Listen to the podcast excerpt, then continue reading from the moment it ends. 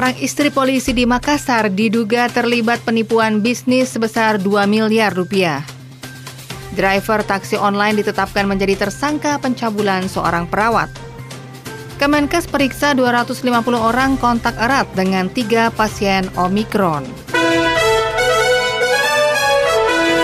Dari kawasan Jalan Jagalan 36 Yogyakarta, segera Anda ikuti Detak deretan Warta Aktual Reco Buntung 99,4 FM. Selamat petang pemirsa, itulah tadi beberapa informasi yang dapat Anda ikuti dalam program Detak Deretan Warta Aktual Reco Buntung edisi hari ini Senin 20 Desember 2021. Saya Asik Eka Dewi, segera kita menuju informasi pertama. Detak, deretan Warta Aktual Reco Buntung. Dari CNN Indonesia, driver taksi online berinisial HS ditetapkan sebagai tersangka dalam kasus pemerkosaan terhadap seorang perawat berinisial EA. Tersangka saat ini pun juga telah menjalani penahanan. Demikian dikatakan Kasat Reskrim Polresta Bogor Kompol Doni Erwanto saat dikonfirmasi Senin 20 Desember. Dalam kasus ini tersangka HS dijerat pasal 289 KUHP dengan ancaman hukuman pidana maksimal 9 tahun penjara.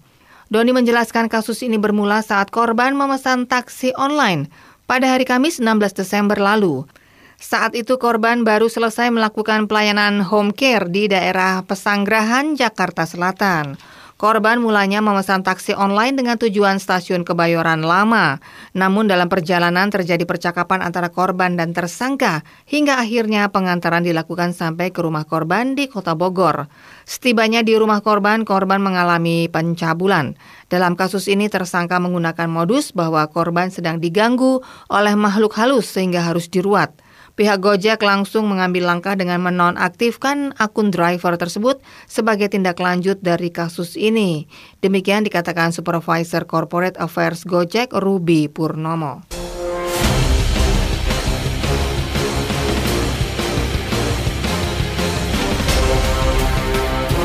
Pemirsa seorang istri anggota Polri dilaporkan lantaran diduga terlibat tindak penipuan dan penggelapan dalam bisnis produk kecantikan.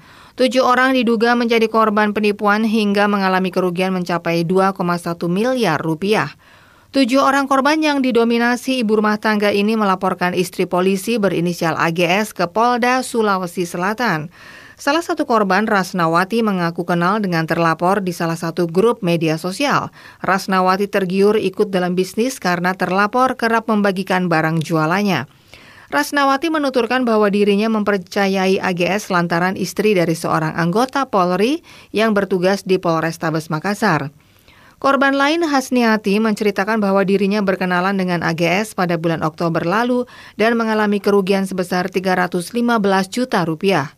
Kuasa hukum para korban Adnan Buyung Aziz mengatakan kasus ini termasuk dugaan penipuan dan penggelapan yang korbannya mencapai 14 orang dengan terlapor inisial AGS.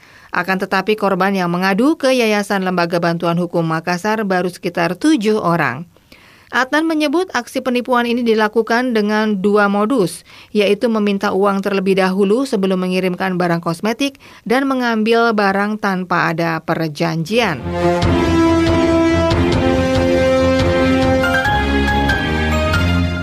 Pemirsa dari CNN Indonesia, Kementerian Kesehatan melakukan penelusuran kontak erat atau tracing dari tiga pasien yang terinfeksi virus corona varian B11529 atau Omicron. Sejauh ini sudah ada 250 orang yang diperiksa. Demikian Direktur Pencegahan dan Pengendalian Penyakit Menular Langsung Kemenkes Siti Nadia Tarmizi kepada CNN Indonesia. Nadia belum merinci berapa jumlah kasus positif COVID dari tracing yang sejauh ini telah dilakukan. Nadia hanya menegaskan bahwa apabila ditemukan kasus COVID, maka sampel yang bersangkutan akan segera dikirim ke Balitbangkes Kemenkes untuk diperiksa menggunakan metode whole genome sequences atau WGS. Saat ini pemerintah juga masih menunggu hasil pemeriksaan WGS dari tiga warga negara asing Cina yang diduga turut terinfeksi varian Omicron atau probable. Ketiganya masih menjalani masa karantina di Manado. Sementara untuk WNI Nigeria yang diduga menjadi kasus pertama varian Omikron di Indonesia sudah dinyatakan negatif COVID. Sudah ada tiga kasus positif virus corona varian Omicron yang terdeteksi di Indonesia. Mereka yang terinfeksi antara lain petugas kebersihan Wisma Atlet Kemayoran dan pelaku perjalanan dari Amerika Serikat serta Inggris. Detak, deretan warta aktual Rejo Buntung.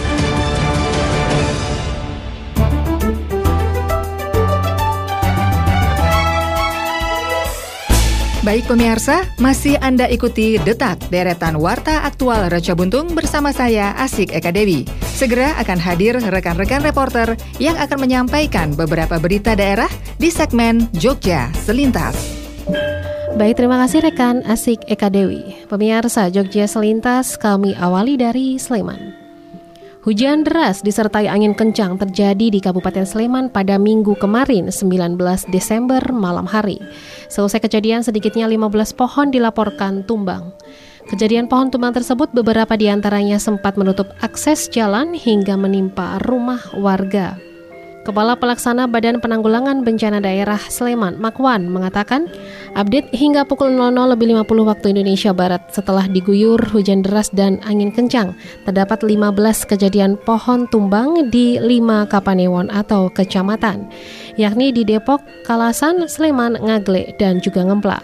Di Kapanewon Depok, pohon tumbang terdapat dua titik, di Jalan Nasional Maguwo Harjo dan juga Jalan Werkudoro. Di Kapanewon, Kalasan, pohon tumbang sebanyak 8 titik. Antara lain di Jongkangan RT 1 dan di Gelondong Taman Martani, pohon sawo dan waru tumbang yang mengakibatkan tutupnya akses jalan. Selanjutnya di Tunjungan RT 4 Selomartani terdapat tiga pohon tumbang menimpa rumah warga dan belum terkondisi. Kemudian di Pakem RT 5 RW 2 Taman Martani pohon beludru tumbang menghalangi akses jalan. Kemudian di Selomartani pohon nangka tumbang menimpa rumah warga. Di Pakem Selomartani pohon mahoni tumbang menutup akses jalan dan dua kejadian tersebut telah terkondisi. Sedangkan di Kapanewon Sleman kejadian pohon tumbang terdapat di dua titik di Jalan Turgo Tridadi pohon pohon beringin tumbang di area lapangan Denggung. Kemudian di Jalan KRT Pringgo Diningrat, Panguan, Tridadi, pohon tumbang menimpa jaringan listrik dan telkom terkondisi. Selanjutnya pemirsa kejadian pohon tumbang di Kapanewon Ngemplak terjadi di Wedo Martani, pohon tumbang menimpa atap rumah warga. Kemudian pohon tumbang di Ngaglek terjadi di Donoharjo, sebuah pohon randu tumbang menimpa teras rumah warga. Dan dari semua kejadian pohon tumbang tidak terdapat korban jiwa. Kita beralih ke Kulon Progo.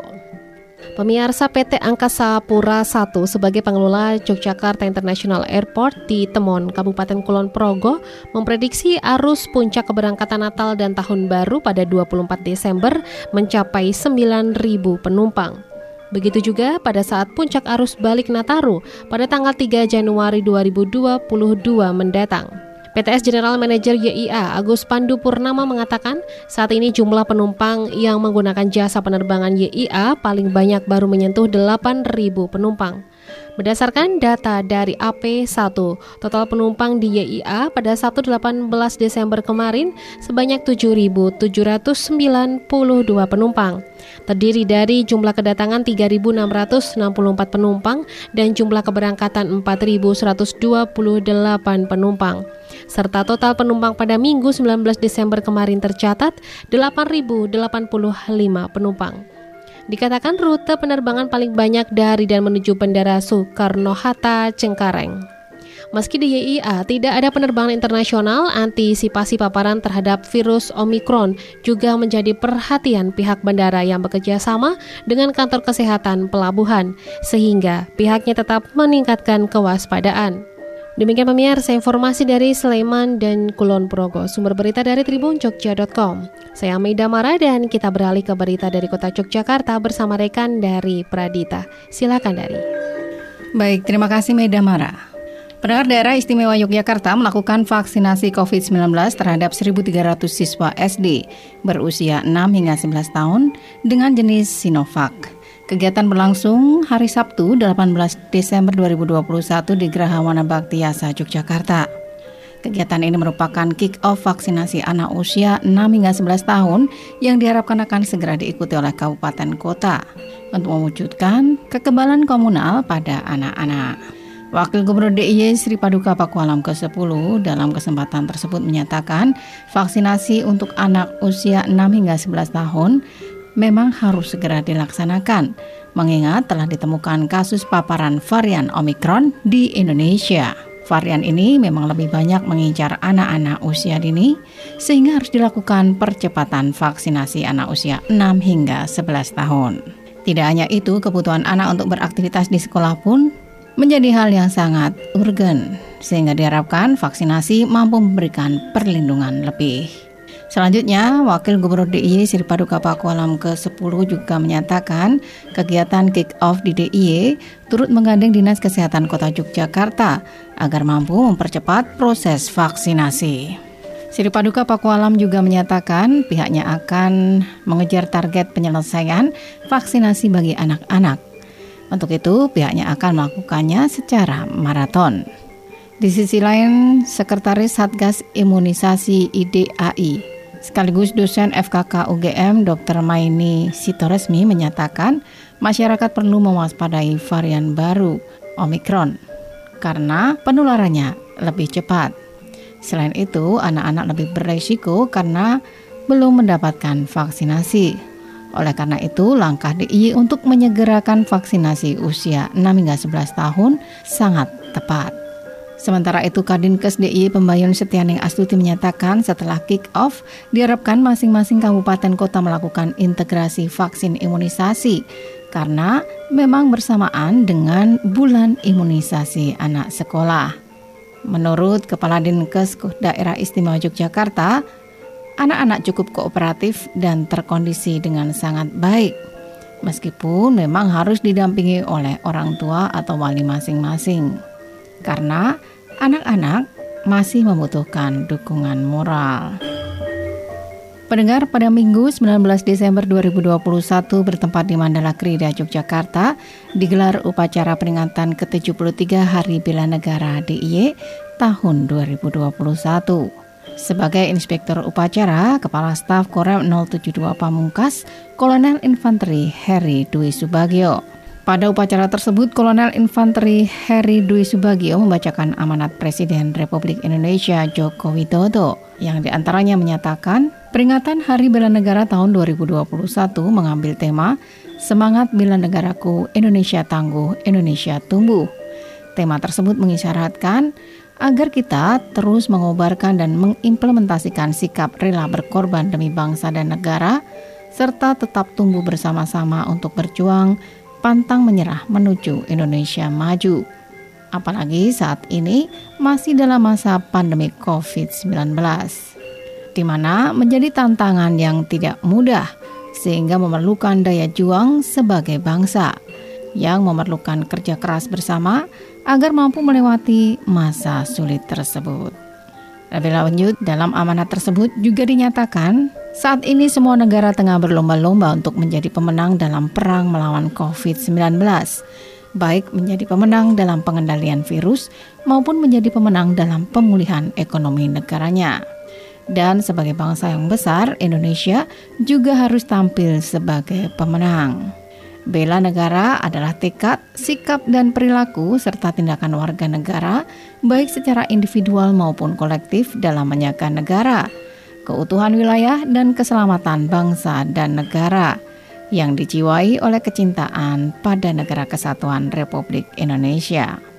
Nilai-nilai bela negara tersebut adalah cinta tanah air, sadar berbangsa dan bernegara, setia pada Pancasila sebagai ideologi negara, rela berkorban untuk bangsa dan negara, serta kemampuan awal bela negara. Demikian informasi dari kota Yogyakarta, saya dari Pradita. Segera kita menuju ke rekan Widya Gita. Ya, baik terima kasih dari Pradita. Pemirsa bersama saya Widya, akan saya sampaikan informasi dari Bantul dan Gunung Kidul. Pantai Parangtritis tetap buka pada malam pergantian tahun 2021-2022. Namun tidak semua pengunjung bisa masuk ke objek wisata yang berada di Kabupaten Bantul tersebut. Hanya pengunjung dengan kendaraan berplat ganjil saja yang diperbolehkan. Sementara kendaraan berplat genap akan diarahkan untuk menuju ke objek wisata pantai lainnya. Pihak Polres Bantul memang tidak melakukan penyekatan, akan tetapi mereka akan melakukan sejumlah rekayasa lalu lintas, utamanya pada malam pergantian tahun baru di sejumlah ruas jalan menuju ke objek wisata pantai. Kapolres Bantul AKBP Ihsan mengatakan bahwa pihaknya akan menerapkan pola ganjil genap sebagai upaya mengurai kepadatan lalu lintas dan kerumunan massa di kawasan pantai sesuai dengan tanggalnya yakni 31 Desember dan 1 Januari. Maka kendaraan yang diperbolehkan ke Pantai Parangtritis adalah yang berplat ganjil. Bagaimana dengan kendaraan berplat genap? Sebagai alternatifnya, petugas akan mengarahkan kendaraan berplat genap ke objek wisata lain seperti Pantai Samas, sampai Pandan Simo dan kawasan wisata Mangunan di Kapanewon Delingo. Lebih lanjut, ia menjelaskan untuk mencegah kendaraan berplat nomor genap tidak ke Parangtritis, pihaknya akan menempatkan banyak petugas di sepanjang jalan Parangtritis, mulai dari Simpang 3 Tembi, Simpang 4 Manding, dan Simpang 4 Bakulan. Petugas akan memberikan informasi bahwa kendaraan berplat genap dilarang menuju Parangtritis dan akan diarahkan ke pantai di wilayah barat atau Delingo. Polisi bersama instansi terkait seperti TNI, Dinas Perhubungan, Dinas Pariwisata, dan Satpol PP akan menjaga di pintu masuk tempat pemungutan restribusi Parangtritis.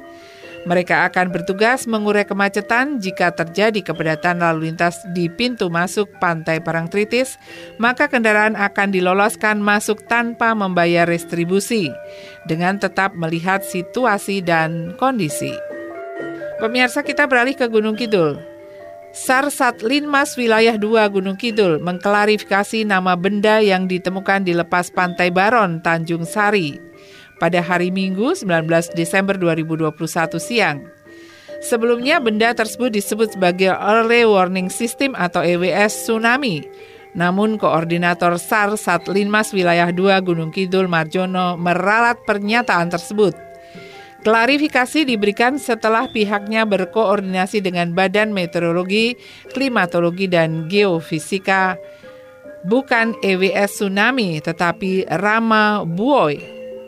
Marjono menjelaskan Rama merupakan singkatan dari Research Mode Array for African, ASEAN, Australia, Mention and List, dan Prediction.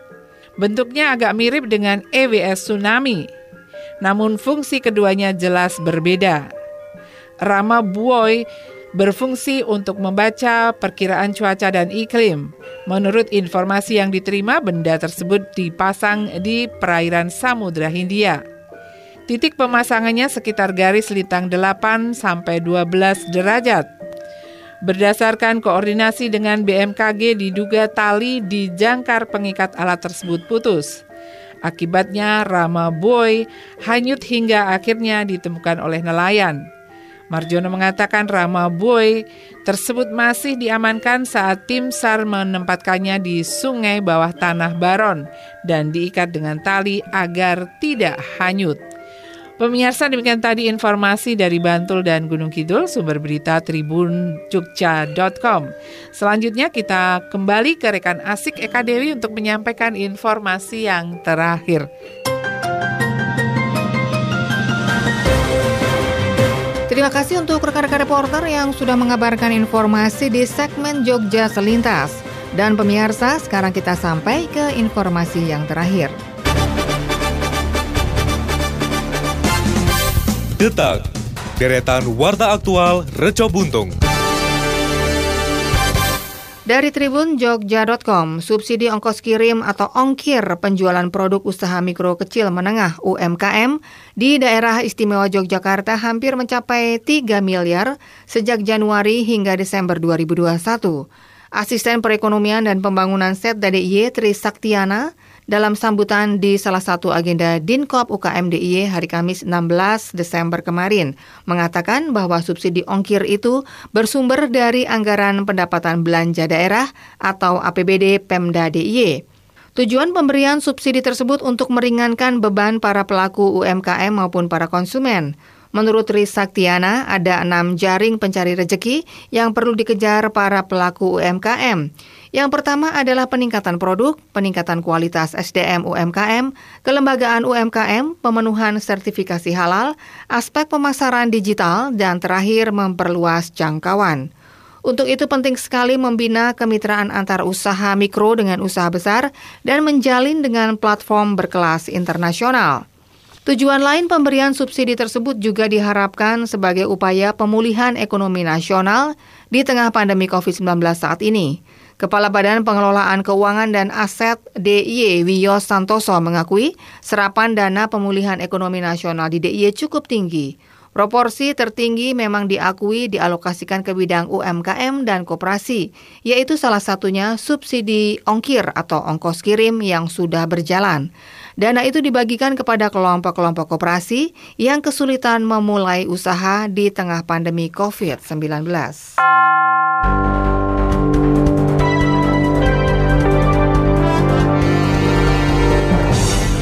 Pemirsa waspada virus corona.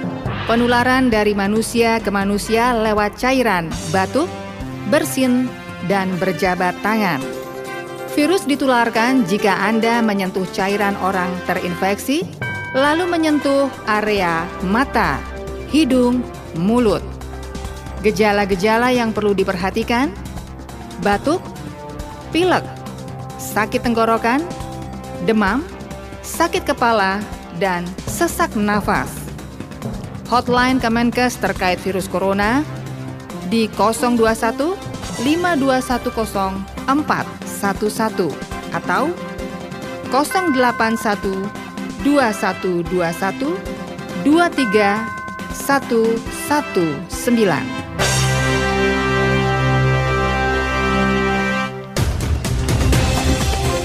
Pemirsa, informasi tadi menutup program Detak edisi hari ini Senin 20 Desember 2021. Ikuti kembali program Detak deretan Warta Aktual Reco Buntung esok petang pukul 18 waktu Indonesia Barat. Radio lawan COVID-19. Jangan lupa cuci tangan pakai sabun, jaga jarak, jangan berkerumun, gunakan masker, dan lebih baik di rumah saja. Saya Asik Eka Dewi, selamat petang dan sampai jumpa. Pemirsa, telah Anda ikuti Detak, Deretan Warta Aktual, Produksi, Reco Buntung 99,4 FM.